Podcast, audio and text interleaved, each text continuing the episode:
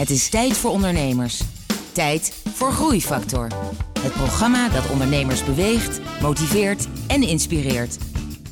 Hier is Kees de Jong, groeiondernemer en verbonden aan NL Groeit. Wat voel je als zojuist je eerste vliegtuig wordt afgeleverd? Het is belangrijk dat je iedere ochtend netjes je bed opmaakt. En dat je nooit sloper moet zeggen tegen een ontmantelaar.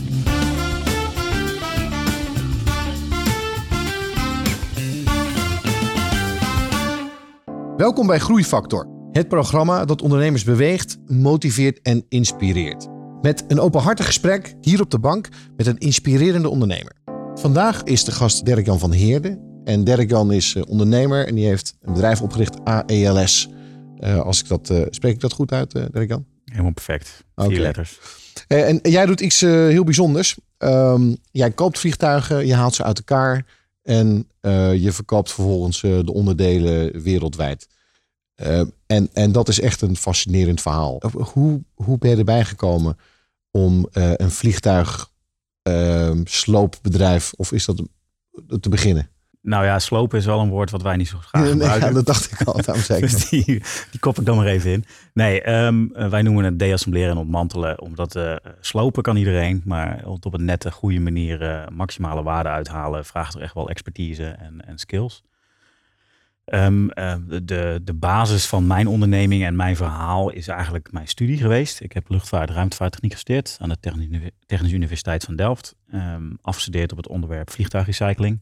Ik wilde graag een duurzaamheidsaantekening op mijn bul. En dat vroeg dus onder andere een afstuderen op een duurzaam vraagstuk. Um, gekozen voor vliegtuigrecycling. En meestal wordt er gekozen voor uh, CO2 of uh, geluidsemissie of iets dergelijks. maar ik stelde de vraag, wat gebeurt er met vliegtuigen die niet meer vliegen? En gek genoeg was dat academisch gezien een, eh, een onbekende vraag. Het antwoord wat veel rondging van staan die niet in de woestijn. Uh, dat is wel een beetje makkelijk. Dat zijn die plaatjes die we nog ja, kennen. Kent. Honderden vliegtuigen ergens ja. in Nevada. Ja, precies. Um, en wat nog steeds zo is trouwens. Um, en um, ik ben erin gedoken. en tijdens mijn afstuderen erachter gekomen dat daar wel business opportunities in zaten. Ik denk dat ondernemerschap voor mij altijd wel een beetje op de achtergrond zweefde. Want dat lijkt me wel leuk.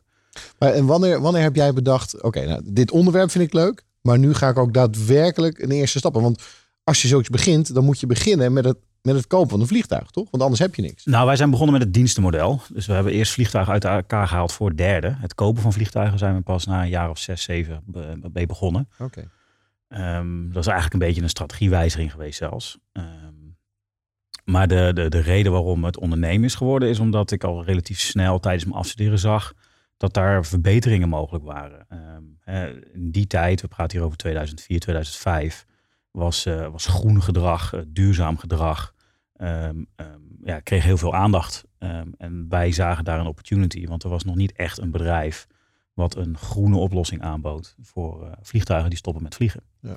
Voeg, daarbij, voeg daaraan toe dat wij door analyse erachter kwamen dat er binnen Europa steeds meer vliegtuigen end of life zouden gaan worden waar ze vroeger veel verkocht zouden worden en dan doorvlogen in Zuid-Amerika, in Afrika, in Azië, mm -hmm. Voorspelden wij een wijziging. Um, en uh, op dat vlak hebben we zeker gelijk gekregen. En, en, en je bent toen begonnen rond 2005?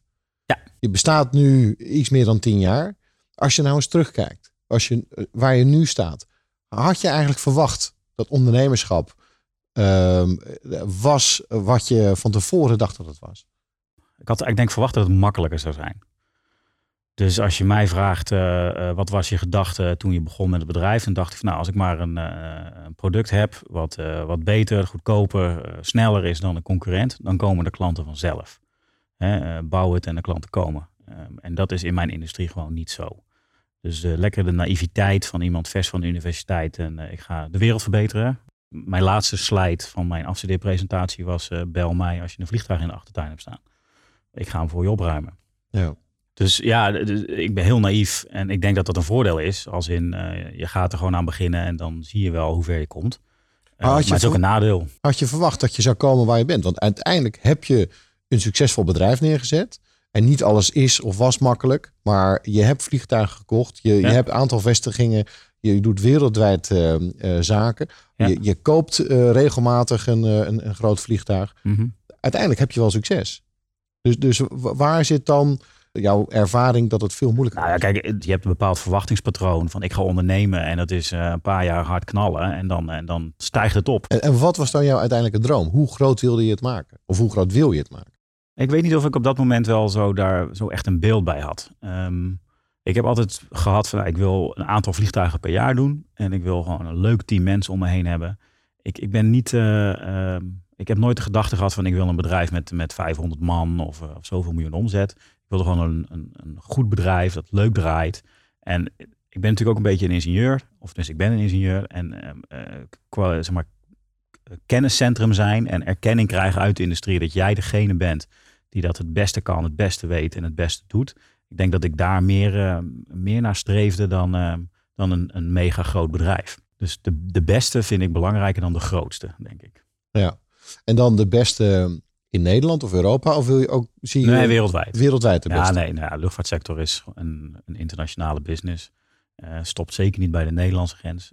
maar je hebt al wel veel bereikt. Want ik, ik zag dat je inderdaad nu inmiddels de voorzitter bent van de internationale uh, Aircraft Recycling Association. Je, bent daar, je bent daar president van. Ja. En dat lijkt me dan dat je er toch wel wat hebt bereikt. Ja, het is ontzettend leuk om, om die positie nu te hebben. En, en dat is wel waar de erkenning ook in mijn ogen wel, uh, wel al vandaan komt. Um, er zijn echt wel mensen. Als er, als er een keer een artikel wordt geschreven over vliegtuigrecycling, dan is de kans erg groot dat, uh, dat ik daarvoor gevraagd word om daar commentaar op te leveren. En dat is erg leuk. Dirk, je hebt wat verteld over jouw uh, ondernemerschap van de afgelopen tien jaar. En dat het toch niet zo, uh, zo makkelijk is geweest als dat je had gehoopt uh, in het begin. kun je een aantal voorbeelden noemen van dingen die je echt zijn tegengevallen? Ik ben echt in mijn eentje begonnen. Um, en ik ben ook in mijn eentje bezig gebleven. En ik denk dat als je mij vijf jaar geleden had gevraagd... wat is je grootste fout? Dat ik niet sneller een partner heb gezocht... die met mij fulltime ging ondernemen. Dus een mede-ondernemer. Ik ben nu weer vijf jaar verder. Als ik nu kijk naar de bedrijven die ongeveer gelijk met mij zijn begonnen. Ik zat in een incubatorformule van de TU Delft, Yes Delft. Dus ik ken een aantal bedrijven die gelijk met mij zijn begonnen. Ja, en de problematiek die je na zeven, acht jaar krijgt als de ene ondernemer er misschien uit wil en de andere erin blijft. Um, ja, die is mij dan weer bespaard gebleven. Overigens zie je dat vaker, dat ondernemers na een jaar of zeven, acht uiteindelijk hun bedrijf een beetje zat zijn. En seven year itch, ja. Ja, de seven year itch, inderdaad. Ja. Maar die heb, je, die heb jij niet gehad, uh, denk ik. Jawel. Of die heb je ook zeker gehad? wel. Nee, ja, dus, dus ik heb op een gegeven moment ook wel het gevoel gehad van... nou, waar gaan we nou heen? Want uh, we hadden een bepaald businessmodel gekozen. Een dienstenmodel waar we het net over hadden. Uh, waarbij we vliegtuigen uit elkaar halen voor derden. Maar ja, wij merkten dat daar bepaalde grenzen in zaten. En dat dat gewoon niet op de manier groeide als dat we zoveel jaar daarvoor hadden bedacht. En dat is de reden waarom wij zijn overgestapt naar ook vliegtuigen kopen. Ja. En die wijziging heeft gezorgd voor de groei van de afgelopen jaren. En dat heeft mij ook weer de energie gegeven om er nog een keer een slinger aan te geven. Maar wat miste jij dan in wat je net zei, het, het, het, niet hebben van een partner? Wat was nou dan hetgene wat jij wel zag bij die andere bedrijven en miste? Het, uh, het los kunnen laten. Ik heb in mijn eerste paar jaar als ondernemer uh, eigenlijk nooit echt relaxed een vakantie gehad of zo.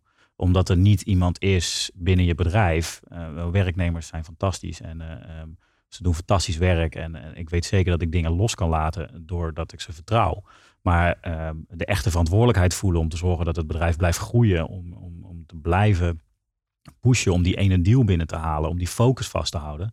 Ja, dat voor mijn gevoel kan dat alleen maar een andere mede-ondernemer doen. Zou dat ook een advies zijn? Een, een, een algemeen advies dat je zou geven aan andere ondernemers? Probeer het vooral samen te doen. Ja, dat zou zeker een tip zijn, denk ik. Ik zie dat echt als een fout voor mij. Maar dan wel meteen de, de tip erbij. Van bedenk goed hoe je met elkaar afscheid neemt als de ene het, uh, iets anders wil gaan doen. Ja. Om wat voor reden dan ook. Wel, welke huwelijkse voorwaarden je met de elkaar huwelijkse voorwaarden moet je heel helder maken. Dat is, maar goed, uh, ik heb daar geen ervaring mee. Ik zie alleen in mijn omgeving mede-ondernemers die daar wel eens uh, mee lopen te stoeien. Maar ik hoor jou toch de hele tijd over wij praten. Is dat... Oh ja, dat is er op een of andere manier ingesleten. Ja, ja ik, um, ik doe het ook niet in mijn eentje. Ik bedoel, ik heb ook collega's die fantastisch werk leveren. En ik heb investeerders, uh, ik heb klanten. Uh, het is een wij. Uh, de gedachte dat je een bedrijf helemaal in je eentje kan opzetten en dat dat helemaal succesvol maken, dan, dan heb je het gewoon helemaal fout. Hey, ik wil even terug naar het moment dat jij bedacht, oké, okay, we zitten in een dienstenbedrijf, maar dit werkt niet. Ik wil ja. door. Dus toen heb je bedacht, nu ga ik voor het EGI spelen. Het was er voor het EGI natuurlijk, maar het kopen van een vliegtuig, dat betekent financiers, extern kapitaal aantrekken. Uh, ik, hoe koop je eigenlijk een vliegtuig? Want je hebt ook een, een, een Boeing Uh, 320 of welk vliegtuig was dat? Haal ik ze door elkaar? Ja, haalt ze niet heel mooi door elkaar. Oh, ja, het is een, een Airbus. Een Airbus A320 of een Boeing 737. Ja, dat zijn, de, ja. dat zijn de twee modellen waar wij ons voornamelijk op richten. Hoe koop je zo'n vliegtuig? Wat, wie bel je? Nou ja, de, de, de um, vliegtuigen worden uh, behoorlijk uh, gevolgd in de markt. Dus als, een, als Boeing, Airbus, Bombardier en Braer een vliegtuig maakt, dan wordt die toegevoegd aan een lijst van alle vliegtuigen in de wereld. Ze hebben allemaal een uniek serienummer, kun je allemaal heel makkelijk volgen. Ze hebben allemaal registratie. Het is qua aantallen allemaal goed te overzien. Um, en ja, dan kun je gewoon opzoeken, oké, een vliegtuig zo, zoveel jaar oud is gemiddeld, uh, 25 is een beetje de gemiddelde leeftijd dat ze uh, end of life worden. Kun je gewoon uitzoeken wie bezit die en die kun je gaan bellen. En dan ga je vragen van wat ben je van plan met dat vliegtuig? Ja, we vliegen nog drie jaar door, dan bel ik je over twee jaar terug. Als, nou ja, weet je, hij zit in de laatste paar maanden. Uh, goed dat je belt. Uh, we willen er eigenlijk wel vanaf. Uh, of ja, sorry, hij is al verkocht. Of hij staat al twee jaar stil. Of, of de informatie klopt niet. En, er is wel eens mee gebeurd. Maar... En, dan, en dan koop je een vliegtuig. En dan wordt het, waar wordt het afgeleverd? Nou, dat is onderdeel van de onderhandeling. Dus eerst ga je analyse doen van de technische conditie van het vliegtuig. Uh, landingsgestel bijvoorbeeld gaat zoveel jaar mee. Dus als hij net is gereviseerd, dan is hij veel meer waard dan wanneer hij aan het einde van zijn, van zijn termijn zit. Um, en dan onderhandel je een prijs. En dan, als daar een soort van een overeenstemming in is, dan ga je in de, in de, in de details. En de delivery location is daar één van. Maar, maar dat is voor, voor jou Soesterberg, hè? Want jij hebt een... Woensrecht. Een Woensrecht. Ja. Oké. Okay. Een Woensrecht is een militaire luchtbasis vlak bij de Belgische grens. Uh, Fokker Services zit daar ook met een, uh, met een, met een divisie. En uh, daar kunnen vliegtuigen heen gevlogen worden om uit elkaar te halen. En maar, daar heb jij een grote loods? Onder andere, ja. En een plek waar we ze uit elkaar kunnen halen. Ja. Maar er zijn ook vliegtuigen die niet meer, niet meer kunnen vliegen. En dan is het vaak um, financieel aantrekkelijker om een lokale, eenmalige oplossing te, te ontwikkelen. Um, ten opzichte van een weer luchtwaardig maken. Ja voor, een vliegtuig luchtwaardig maken, zeker als hij een tijdje stil heeft gestaan door wat voor omstandigheden, kan al snel een paar ton kosten. Um, en dan nog de vlucht zelf, en die, dan moet je weer verzekeren. Dan moet je wel een piloot vinden die dat uh, wil uh, vliegen. Ja, nou ja, goed. um, die zijn er wel te vinden hoor. Maar, maar, maar, ik, wil, ik wil even terug naar het moment, want daarvoor was je een serviceorganisatie. Ja. En vervolgens ben je vliegtuigen gaan kopen, die ben je gaan uh, in de gaan onderhandelen. Dat was een hele nieuwe fase voor je. Mm -hmm. Maar je hebt ook daarvoor geld moeten aantrekken. Dus je moest plannen maken, je moest presentaties geven. Dat was een heel nieuw ding wat je waarschijnlijk nog nooit had gedaan. Hoe heb je je daar doorheen geworsteld? Um, nou ja, ik zat, wat ik al zei, ik zat in de, in de startersformule van, uh, van de TU Delft, de Yes Delft. Um, en daar zijn de nodige um, nou ja, cursussen, noem het zo, trainingsevents, waarbij je daarvoor heel veel leert. Maar ja, dat maakt het niet anders dan dat je nog steeds het eerste gesprek moet gaan hebben met zo'n ondernemer. En hoe was dat eerste gesprek? Hoe voelde je? Nou, ik had het geluk dat uh, er reeds een investeerder in mijn bedrijf zat. Uh, we bestonden al zes, zeven jaar, hadden al een uitgebreid netwerk. Uh, we hadden dus partijen waar we mee konden samenwerken in die deals. dus het eerste vliegtuig heb ik met de bestaande investeerder met een, met een lening, projectfinanciering kunnen doen. maar ja, we wisten als we meer vliegtuigen willen kopen, hebben we veel meer geld nodig. En wat kost een vliegtuig ongeveer? Het is misschien een stomme vraag, maar. Um, nou ja, wederom het hangt er vanaf leeftijd en type. Um, maar de vliegtuigen waar wij ons op richten in het begin waren 737 Classics en oudere A320's. Die gaan nu ergens een beetje dus anderhalf, twee ton dollar. Uh, wat betreft 737 A320's iets duurder. Um, maar dat is alleen vliegtuig zonder motor, want wij doen nog niks met motoren, bewust. Uh, wij willen graag overstappen naar nieuwere modellen. En dan praat je over vliegtuigen die rond de 2, 3,5 miljoen kosten.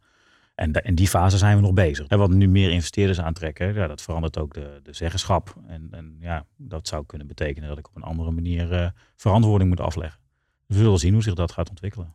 Heb je zelf een coach? Um, ik heb geen coach. Ik zit wel in een, uh, bij de Entrepreneur Organization in een leuk forum uh, met andere ondernemers, waar ik maandelijks. en, en een forum is dan dat je. Dus een groep ondernemers waarmee je één keer per maand samenkomt en waarbij ze cases inbrengen en waar je even, even los van van je eigen, eigen werkomgeving kan delen wat je problemen zijn en, en welke leuke dingen en vervelende dingen je hebt meegemaakt. En wat vooral heel daar fijn aan is, is dat je uh, in je privéomgeving, uh, mensen die geen ondernemer zijn, die hebben vaak moeite om ondernemersproblemen goed te begrijpen. Um, en dus om dan af en toe met andere ondernemers uh, even lekker je gal te kunnen spouwen, dan wel je successen mee te vieren. Um, ja, dat is gewoon zeer prettig. We hebben twee jaar geleden een stukje financiering aangetrokken, wat ook eiste dat we een, commissarisstructuur gingen introduceren.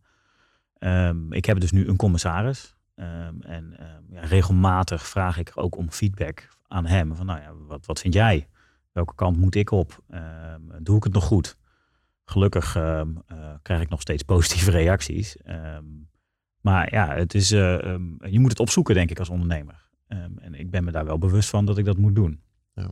Ik vraag het ook wel aan collega's. Sommige collega's die ik, eh, die ik sowieso doe ik elke maand, of elk, elke maand, sorry, elk jaar doen een, een, een rondje met, met mijn collega's eh, over evaluatiegesprekken, beoordelingsgesprekken. En, eh, en daar heb ik ook altijd de standaard vragen in zitten van nou, eh, wat vind je van mij? Eh, en, en, en wetend dat daar toch altijd die, die, die werkgever-werknemer relatie is, waardoor mensen zich misschien wat, wat terughoudend opstellen Ja. wat betreft een reactie. En wat Maar- krijg je terug? Wat zeggen ze? Ehm, nou, ik word bijvoorbeeld wel eens bestempeld als, als iets te universitair, dus te analytisch. Ook nog wel eens te, te joviaal. Hangt wel- dat je strenger bent?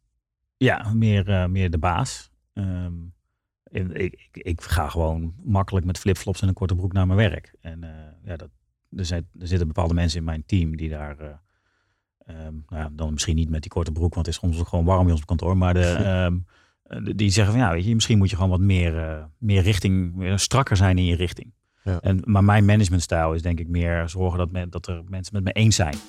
Je luistert naar Groeifactor. Openhartige gesprekken met inspirerende ondernemers. Groeifactor beweegt ondernemers. Heb je nog grote plannen of dromen? Je wilde ooit inderdaad een, eh, een van de grootste worden. Je wilde erkend worden als zijnde het kenniscentrum op het gebied van eh, vliegtuigrecycling. Ja. Eh, wa- Waar, waar staat het met je dromen? Hoe, hoe zie je dat voor je? nog? Ik vind het heel belangrijk. Ik, ik wil graag mijn, eh, mijn stukje eh, nalatenschap in deze sector creëren. Doordat Hey, hey, wacht, eh, nala- hoe oud ben je? ik ben eh, 36 Oké, oké. Nou, dus- Nee, maar, dus, maar dat, dat, kost tijd. Ik bedoel, dat- dat- eh, ehm, ik zou graag zien dat, dat de luchtvaartsector op, op het gebied van vliegtuigrecycling gewoon echt een stap, een stap maakt naar, naar, naar meer dan alleen maar in de woestijn zetten. Ehm, en dat is met, met een tien jaar ervaring die ik nu heb in deze industrie, ehm, is het gewoon bijzonder lastig. Het is heel erg internationaal, heel veel politiek, heel veel belangen. Ehm, eh, en, en dan proberen daar iets, eh, daar een wijziging in te krijgen, doordat mensen zich, en waar het eigenlijk op neerkomt, meer geld betalen voor een nettere oplossing. Hè? Dus dat is gewoon bijzonder lastig.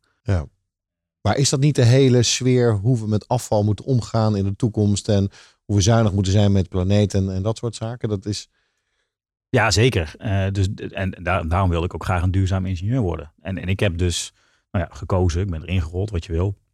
Dit stukje eh, binnen de luchtvaartsector, wat natuurlijk over de hele grote wereld duurzaamheidsvraagstuk is mega.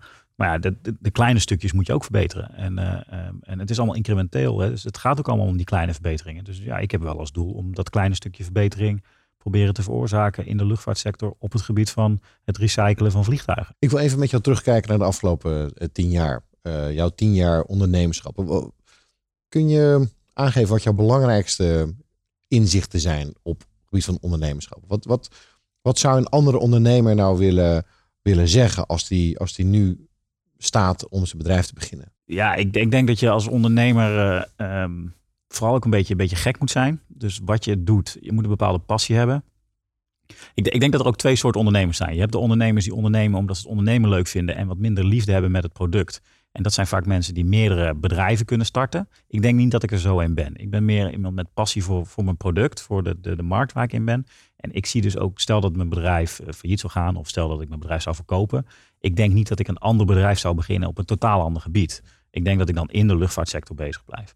En ik denk dat die soort, dat soort passie heeft mij geholpen om, om het tien jaar lang vol te houden. Ja. Eh, dus als je onderneemt met de gedachte, ik ga geld verdienen en eh, ik ga dat snel doen. Ik denk dat je, dat, dat je dan minder lang volhoudt. En de reden waarom ik het lang volhoud, is omdat ik een bepaalde liefdesrelatie heb met, met wat ik doe. Dus ik zou dat dan aan andere ondernemers proberen mee te geven. Ja, Nou, dat probeer dat je echt... eh, Wat zijn nog meer tips? nou, zorg dat je voldoende financiële kennis hebt. Ik, ik ben ingenieur, dus ik heb heel veel geleerd over hoe ik met cijfertjes om moet gaan. Maar een fatsoenlijke eh winstverliesrekening, balans lezen, al dat soort dingen heb ik mezelf eigen moeten maken. En eh, ik denk dat dat een zeer belangrijke vaardigheid is voor elke ondernemer. En dan nog een hele eh, voor de hand liggende truc, denk ik, is dat het heel goed is als je, als je een onderneming begint, dat je begint met ook zelf de administratie te doen. Dus dat over de schutting flikkeren en tegen iemand zeggen van nou doe jij het maar voor me. Ik denk niet dat dat goed is in het begin. Uiteindelijk hè, moet je zo'n keuze misschien wel maken. Wellicht voornamelijk met inzicht in je kosten. Dat je ook echt bovenop die Ja. kosten zit. En uiteindelijk gewoon op je, op je cash. Op Maar ook je- dat je weet wat je, wat je, wat je, ehm, eh, hoe het loopt en wat er moet gebeuren. Ik, ik zie wel startende bedrijven heb ik gezien die het uitbesteden. En die zie ik dan allemaal werk verrichten. Mhm. Zodat ze eh, de facturen en alles en wat dan niet meer kunnen overdragen aan iemand die er dan er wat mee gaan doen. Maar de hoeveelheid werk die ze verrichten voordat ze het overdragen aan iemand anders is eigenlijk bijna hetzelfde als wanneer je het zelf in je administratie zou kloppen. En dan heb je wel meteen de inzichten. Ja. Ehm, dus dat zou ik een hele belangrijke vinden voor andere nieuwe ondernemers. En, eh, en, en blijf ook vooral zelfreflectie hebben. Kijk in de spiegel, vind ik het leuk? Ehm, ben ik de juiste man? Ja. Ehm, eh, geniet ik er nog van? Ben ik bereid om de uitdagingen aan te gaan die, die op mijn pad liggen? Dat stapje extra. Ja, en, en, en blijf ook vooral zoeken naar een gezonde ehm, ehm, privé-werkbalans. Eh, ik ken ondernemers die de 60, 80 uur per week halen. Ja, ze stralen mij niet echt uit dat ze er nou echt van genieten. Over, over dan genieten gesproken. We we hebben nu de tips gezien. Ja. Pak die afgelopen tien jaar eh, nog even. Als je terugkijkt, wat was nou het moment dat jij echt jezelf on top of the world voelde? Ja, dat is wel een interessante vraag. Ik, ik ben best wel matig in mijn enthousiasme, denk ik. Want bijvoorbeeld het, a- de, de, de, koop van het eerste vliegtuig is natuurlijk gewoon een gigantisch hoogtepunt. Ehm, eh, de eerste Boeing 747 die we uit elkaar hebben gehaald. Ik bedoel, ja, groter als dat worden ze gewoon. Ja, ooit wel een keer, maar voorlopig nog even niet. Ehm, maar het, het, het, proces, ik ben zo bezig met dat proces. En als dan in dat proces een bepaalde milestone wordt bereikt, bijvoorbeeld het tekenen van de sales agreement, waardoor je de eigenaar wordt van het vliegtuig. Ehm, ja, dat is gewoon een van de stapjes in het proces. En eh, ehm, eh, het bezinkt mij dan zelden als van yes, we hebben het gehaald. Ehm, ik kan wel nog één situatie keer herinneren. Toen hadden we een eh, contract getekend in, in, in Duitsland. Om daar een vliegtuig voor een klant uit elkaar te halen. En dat was de eerste keer dat we ook die componenten zouden gaan verhandelen. We hadden het vliegtuig niet gekocht. Maar we deden wel alles zonder het vliegtuig te kopen. En, eh, en toen zaten we in de auto terug. En dat was wel een lange autorit. Want het was eh, vanuit eh, Dresden. En toen heb ik wel een paar keer even hard geschreeuwd en hard op mijn stuur geslagen van yes, dit is toch wel cool. Het is gewoon gelukt om een contract te tekenen met, met een best wel groot bedrijf. Het was een, on- een dochteronderneming van wat tegenwoordig dan Airbus heet. Ehm, en die een hele grote conglomeraat. En die hadden gewoon ons uitgekozen om dat project te laten doen. Ja, dat was wel even kick. Dirk Jan, heb je ook wel eens het moment gevoeld van nou, nu wil ik ermee stoppen. Nu, nu, nu ben ik het zat. Ja hoor, zeker weten. Wanneer was dat? Ik denk dat het ongezond is als je een onderneming hebt en dat nooit is gebeurd. Want dan, eh, eh, dan weet ik niet, dan heb je zoiets unieks. Ehm, eh, ik denk dat ik het meerdere keren heb gehad. Er zijn wel eens situaties geweest eh, dat we een deal hadden die dan last minute niet doorging. En dat er dan toch wel eh, financiële druk kwam. Ehm, eh, de bank die, die duidelijk maakt van ja, weet je, we hebben een afspraak gemaakt, dan moet er afgelost worden. En als dat niet gebeurt, ja, dan ga je naar een andere afdeling. Du- du- Ehm, dus je legde dat telefoontje op en toen? Toen dacht je van nou, nu trek ik de stekker eruit. Eh, ik heb nooit gedacht dat ik de trekker, er- stekker eruit trok. Ehm, ik heb wel vaak het gevoel gehad van, eh, jezus, eh, de, de, weer een tegenslag. En hoe gaan we daar nu weer mee om? Ehm, en hoe vangen we dat dan weer op? Ehm, en, en, en, en vooral dat, de optelsom van dat je als ondernemer en soms ook wel als persoon, als, als, als, ja goed, als werknemer in je bedrijf, dat je alleen maar bezig bent om brandjes te blussen. Hè, ze zeggen wel eens een strontkop naar boven drijven. Nou, ik denk dat dat gewoon hartstikke waar is. Dus eh, als al je collega's, alles wat, wat goed en makkelijk gaat, ja, daar hoor je niks wat van. Maar als het, als het een keer eh, eh, misgaat, dan ben jij degene die dat moet oplossen. En, voor, en vooral dat gevoel, als, als dat gewoon te lang bij blijft doorgaan. Hè, dus die belt van, ja, weet je, dit en dit ging allemaal goed, maar nu gaat dat niet goed. Kan jij dat oplossen? Kan jij dat oplossen? Kan jij dat oplossen? Eh, ja, dan die optelsom, dan heb ik wel eens van, oké, nu heb ik er even geen zin meer in. Heb je het, dat is een soort elastiekje. En op een gegeven moment staat hij dan zo strak en dan Ja. heb je ook weinig bewegingsruimte meer. Is het wel eens gebarsten? Nee. Nee, ehm, ik heb wel af en toe. eh, ehm, Hoe heb je dan ervoor gezorgd dat je uiteindelijk toch weer de lucht en de energie kreeg om het probleem aan te pakken? eh, eh, oeh, ja, ik weet niet of ik nou bewust dan wat gedaan heb. Ik, ik denk dat ik. Nou, je bent gaan hardlopen, begrijp ik. ja, nou ja, de, ja, nou ja, misschien is dat wel eh, de laatste tijd een goede uitlaatklep. Ehm, het, het stapje terugnemen, even met vrienden een paar biertjes drinken in de, of misschien een paar te veel biertjes drinken in de kroeg. Ehm, een weekendje naar een, eh, naar een leuk eh, rockfestival of zo. Al dat soort dingen. Uh, dan kom je terug en dan, dan is het toch weer eventjes de emmer voldoende leeg, zodat er weer druppeltjes bij kunnen gaan om het weer een tijdje vol te houden. Misschien ook wel goede les voor ondernemers. Dus dat harder, harder, harder werken is niet de oplossing. Het is juist de lucht creëren in je hoofd om de juiste beslissing te nemen, de juiste persoon te bellen. Klopt ja. dat? ja, ik denk het. Ja, je moet voor jezelf die grens opzoeken. Ik weet bijvoorbeeld voor mezelf, ik moet vooral na negen uur moet ik niks meer doen als ik na negen uur nog wat doe, uh, dan betaal ik daar de volgende ochtend de prijs voor. Ja. Uh, negen uur s avonds hebben we het over. Negen uur s avonds, ja. nee, ja.